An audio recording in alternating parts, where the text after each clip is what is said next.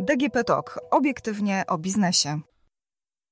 Dane dowodzą, że zróżnicowane zespoły są bardziej efektywne i po prostu pracują lepiej. Ale czy faktycznie tak jest? Dzień dobry, Agnieszka Gorczyca, Infor.pl. Słuchacie najnowszego odcinka obiektywnie o biznesie Moja Firma, a gośćmi odcinka są Milena Olszewska-Miszuris, główna inicjatorka klubu i kampanii społecznej, której celem jest zwiększenie udziału kobiet we władzach spółek. O tym dziś będziemy rozmawiać. I Bartosz Józefiak z firmy Benefit System, a za sterami realizatora Dorota Żurkowska. Dzień dobry dobry. Dzień dobry. Dzień dobry. Drodzy Państwo, wystartowała globalna inicjatywa, która ma promować różnorodność e, w biznesie. W Polsce to są jej początki, ale w innych krajach ma się całkiem dobrze. Pani Mileno, co to jest za inicjatywa? Drodzy Państwo, 30% Club to globalna kampania społeczna, która promuje różnorodność. I myślą przewodnią jest e, właśnie obserwacja, iż różnorodność we władzach spółek przynosi wymierne korzyści.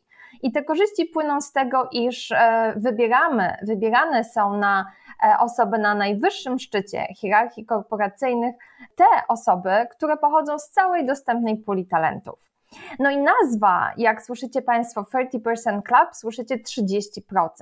Ta nazwa ma swoje źródło w teorii masy krytycznej teorii, która mówi o tym, iż aby głosy mniejszości były słyszane i aby ona miała wpływ na decyzje podejmowane przez większość w danej grupie, to powinna mieć pewną masę krytyczną, za którą uznaje się 30%. I jak najbardziej ta kampania e, działa już w 17 innych miejscach na świecie. Polska jest 18 punktem e, na mapie świata 30% Club, tak zwanym chapter. E, I jest to inicjatywa, która angażuje osoby właśnie na samym szczycie władz korporacyjnych, prezesów zarządów, przewodniczących rad nadzorczych, a na świecie przystąpili do niej tak znani szefowie firm jak Warren Buffett czy Larry Fink.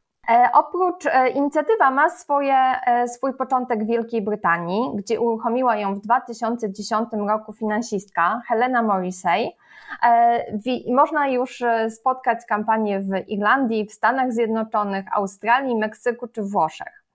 Tak jak kampania jest globalna, tak cele są lokalne.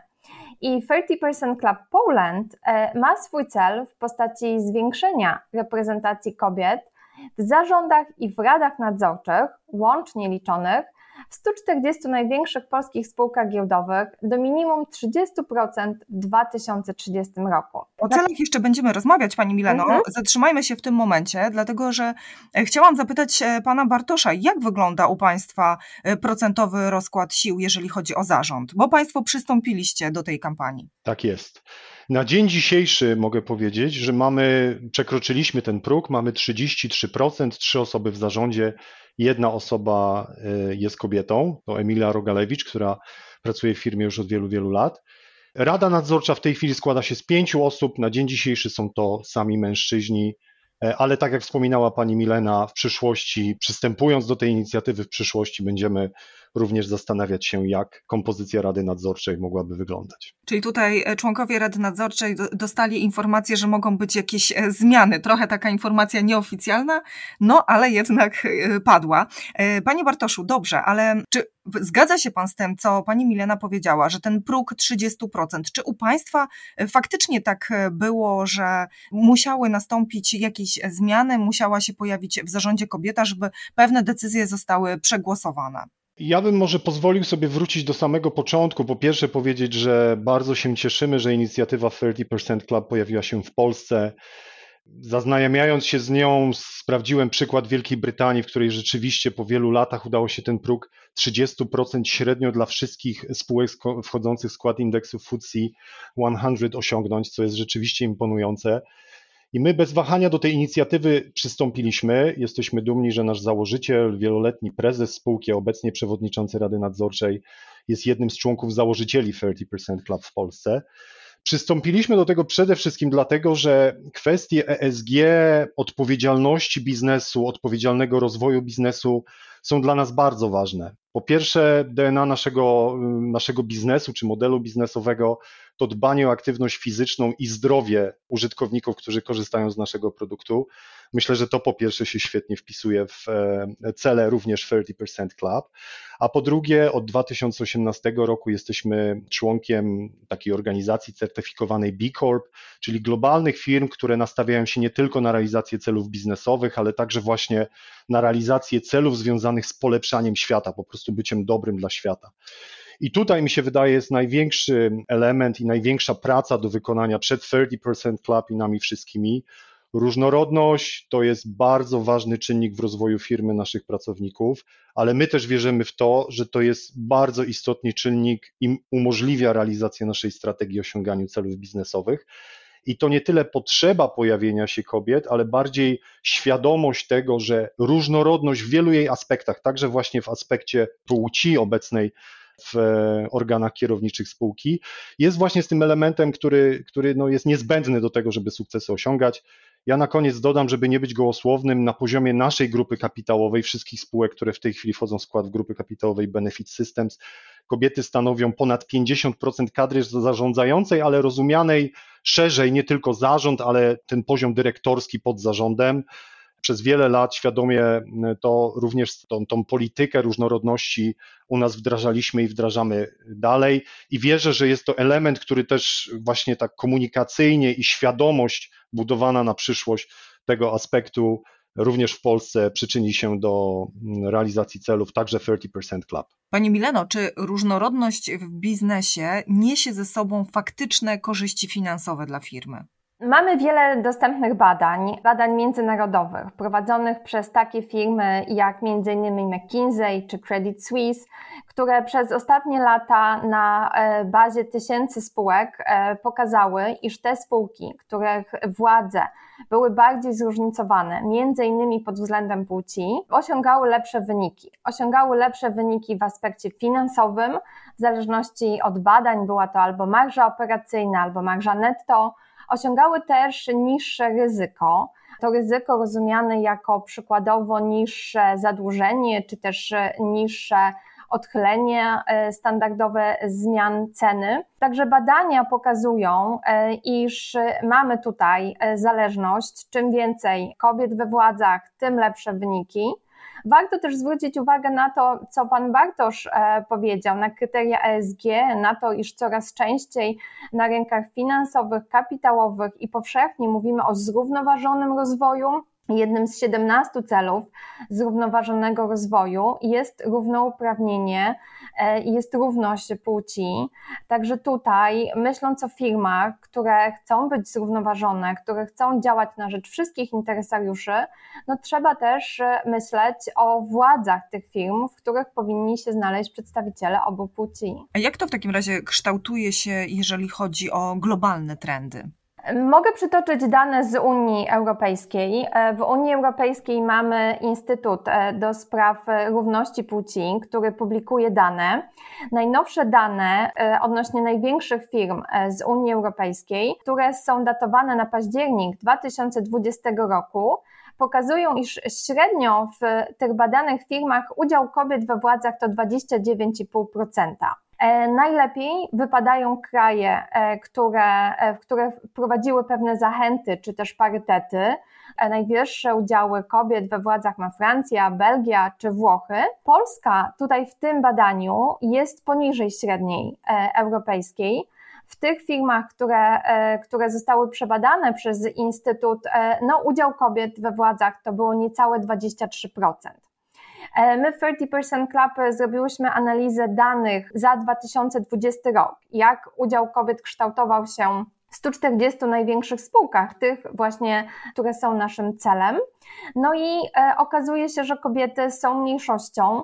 E, w WIG 20 plus MWIG 40 plus SWIG 80, czyli tych trzech indeksach, kobiety to zaledwie 15,5% władz, czyli zarząd plus rada nadzorcza.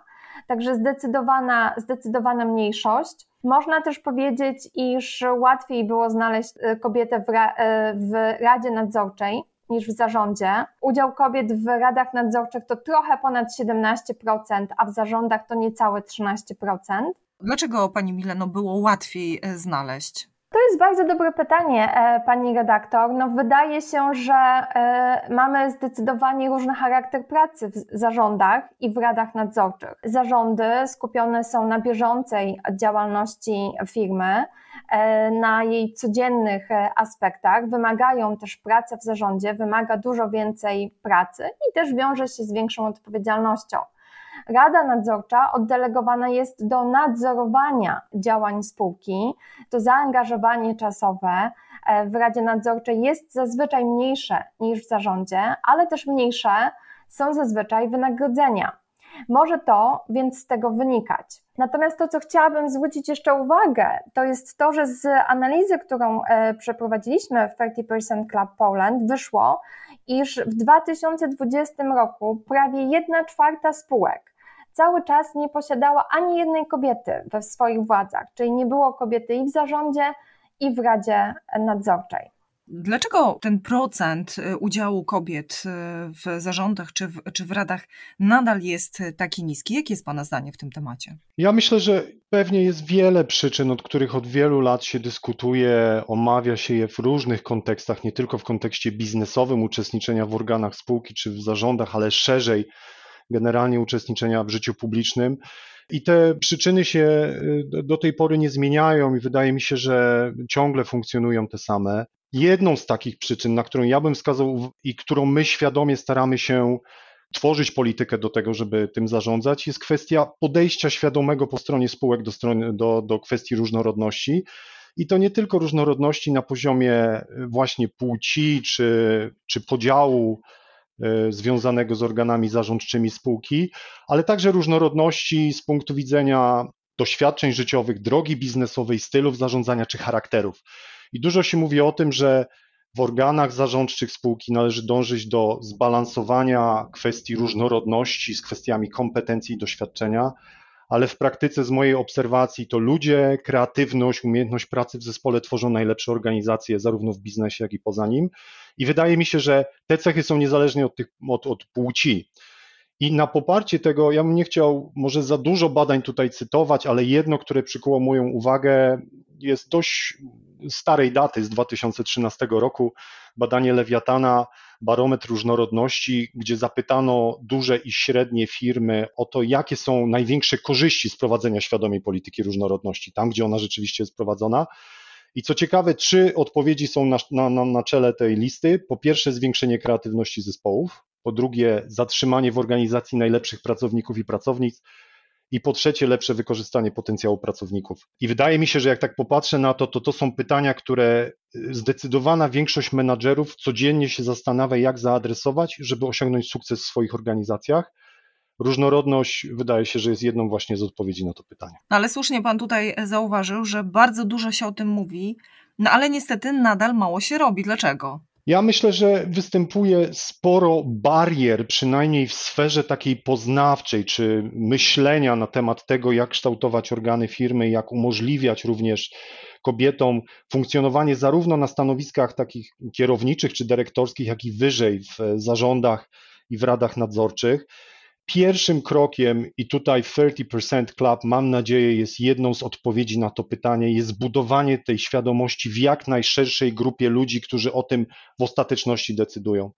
Pani Milena pewnie jeszcze o tym będzie mówić, ale 30% Club nastawiony jest w dużej części na grupę inwestorów. Jedną z ważniejszych grup takich stakeholderów, przepraszam za sformułowanie, spółek kapitałowych, interesariuszy spółek kapitałowych, którzy po części właśnie te decyzje podejmują, bo jeżeli jesteś akcjonariuszem y, spółki giełdowej, dużym akcjonariuszem spółki giełdowej, to masz prawo głosować na walnej zgromadzeniu tej spółki, masz prawo do nominowania albo popierania kandydatów na członków Rady Nadzorczej.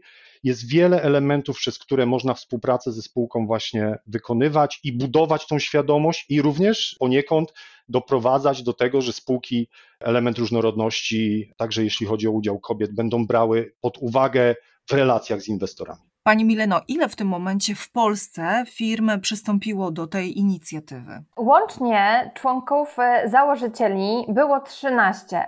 E, tutaj mamy e, przedstawiciela Benefit System, który właśnie pan James Van Berg, przewodniczący Rady Nadzorczej, był jednym z członków założycieli, a oprócz, oprócz Benefit Systems przystąpił BASF Polska, przystąpiła Blue Media, przystąpiło Credit Suisse, Emitel, IBM, Mastercard, Orange, Raivo Therapeutics, Siemens, Societe Generale, Suma Lingue i Wirtualna Polska. Także tą pulę członków e, założycieli klubu stanowią członkowie najwyższych władz firm z sektora finansowego, e, nowych technologii, biotechnologii, telekomunikacji, aż po sektor przemysłowy. I mamy e, tutaj zróżnicowane grono spółek, bo są to spółki zarówno publiczne, jak i spółki prywatne, czy lokalne oddziały dużych międzynarodowych korporacji. A czy macie Państwo jeszcze w tym momencie firmy, tak zapytam wprost, na celowniku, które chcielibyście, żeby koniecznie jeszcze dołączyły, a one się trochę jeszcze wahają albo decyzja nie została podjęta? Bardzo się cieszymy z tego, że inicjatywa odbiła się szerokim echem. Zaczęliśmy e, oficjalny start klubu, miał miejsce 9 czerwca. E, mamy bardzo ambitne plany i chcielibyśmy, e, aby liczba firm, która przystąpi do kampanii, była trzycyfrowa. Także jak najbardziej rozmowy z wieloma firmami się toczą. E, one mają swoją różną dynamikę, e, wynika to z różnych procesów korporacyjnych. Natomiast jesteśmy tutaj z wszystkimi osobami zaangażowanymi w inicjatywę bardzo optymistyczni i liczymy na to, że już niedługo będziemy informować o kolejnych członkach przystępujących do, do klubu. Panie Bartku, na co powinna przygotować się firma, która chce do klubu przystąpić? No Państwo możecie powiedzieć już ze swojego doświadczenia, na jakie wyzwania należy się naszykować. Ja myślę, że pierwszym najważniejszym wyzwaniem jest podjęcie decyzji o tym, że chce się w tym uczestniczyć i chce się być ambasadorem tego trendu, trendów różnorodności i szeroko pojętego ESG, o którym dzisiaj też rozmawiamy na naszym rynku. Tak jak wspominaliśmy, tak jak wspominała pani Milena, od wielu lat ten trend jest obecny na rynkach zagranicznych.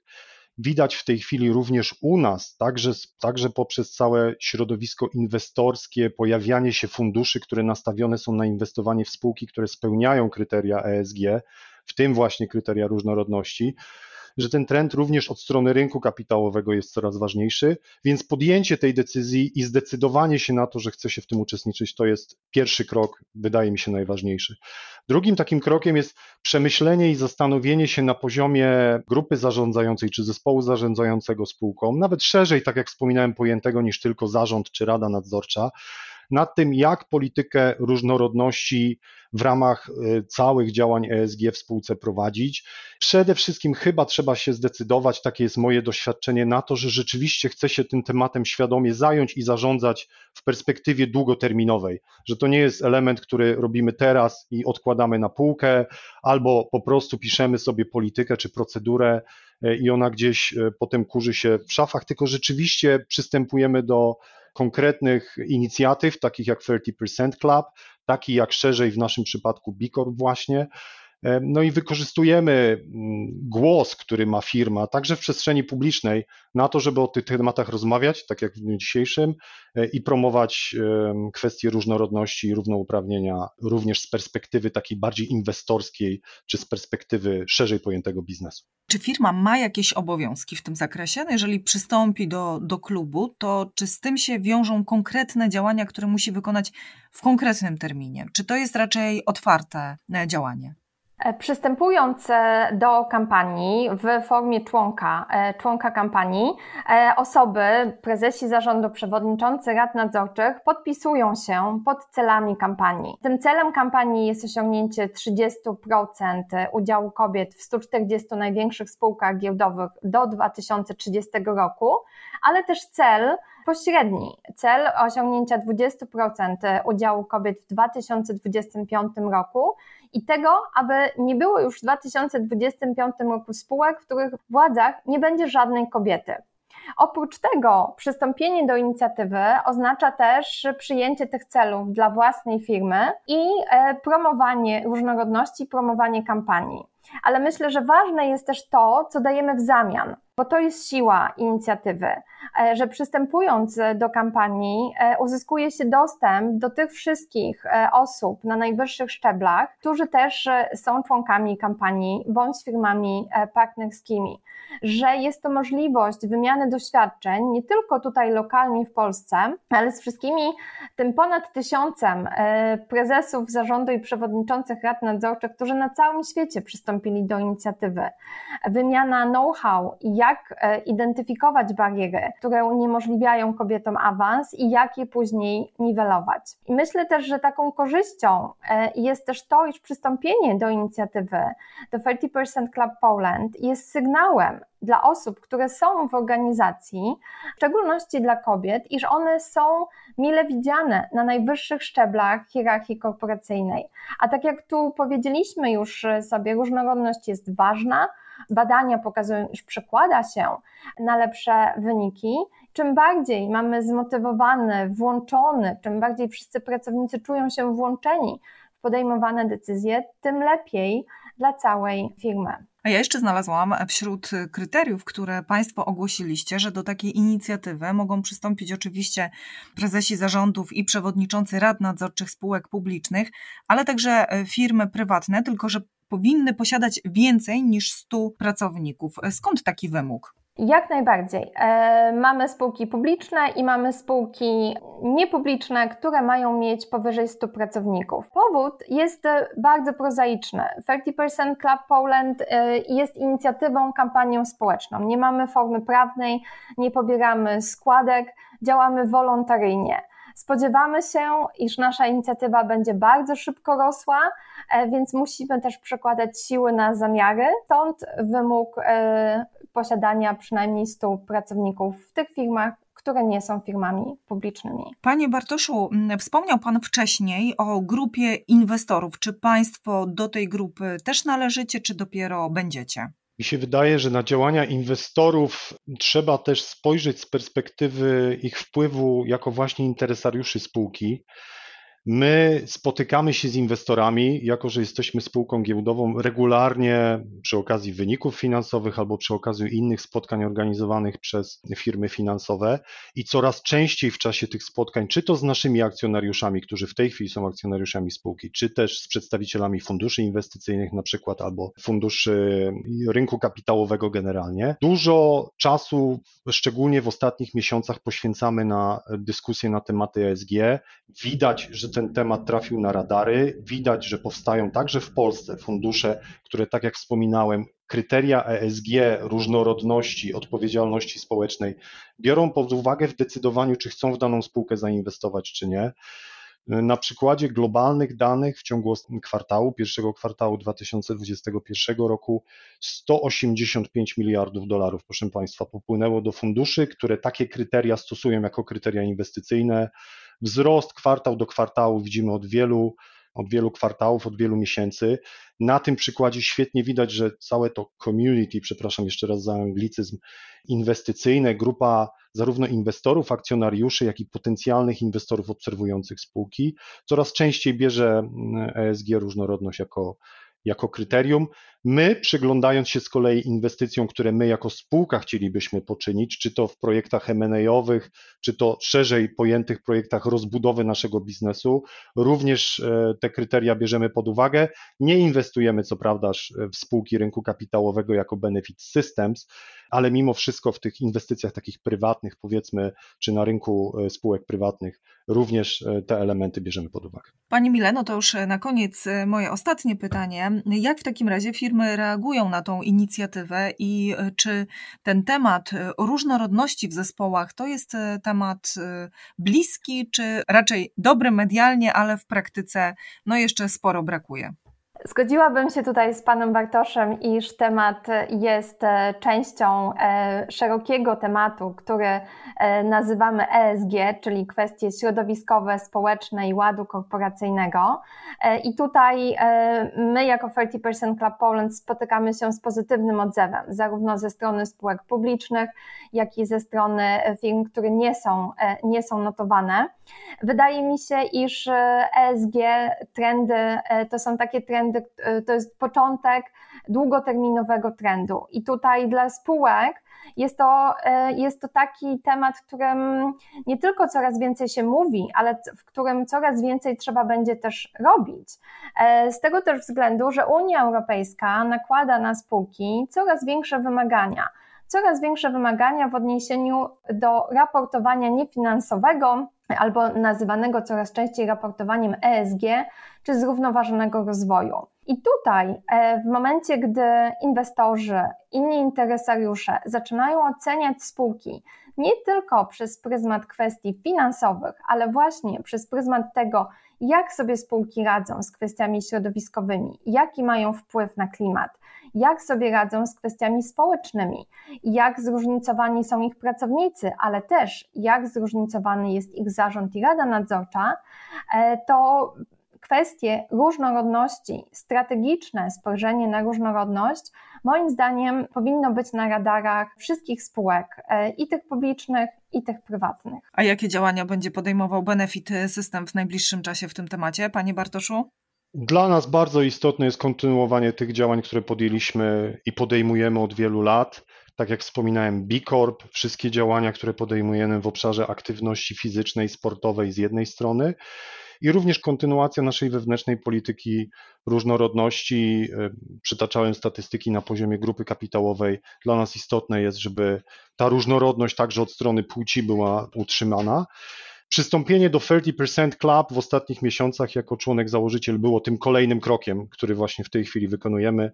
Mam nadzieję, że razem z panią Mileną i pozostałymi członkami i poszerzającym się gronem tych członków w kolejnych miesiącach będziemy mogli uczestniczyć e, no, w wielu ciekawych wydarzeniach, które tą e, koncepcję będą promowały. Wracając do Pani poprzedniego pytania, ja uważam, że jesteśmy na początku drogi, ale tak jak wspominała Pani Milena, ta fala jest przed nami, ją widać, to będzie bardzo istotny element także w ocenie spółek kapitałowych, rynku kapitałowego i e, istotne jest, żeby jak największą świadomość także wśród prezesów, zarządów, rad nadzorczych i akcjonariuszy spółek w tym zakresie zbudować. Dziękuję serdecznie za rozmowę. Gośćmi podcastu Obiektywnie o biznesie Moja Firma byli Milena Turis oraz Bartosz Józefiak. Dziękuję za rozmowę. Dziękuję. Dziękuję bardzo. Do usłyszenia.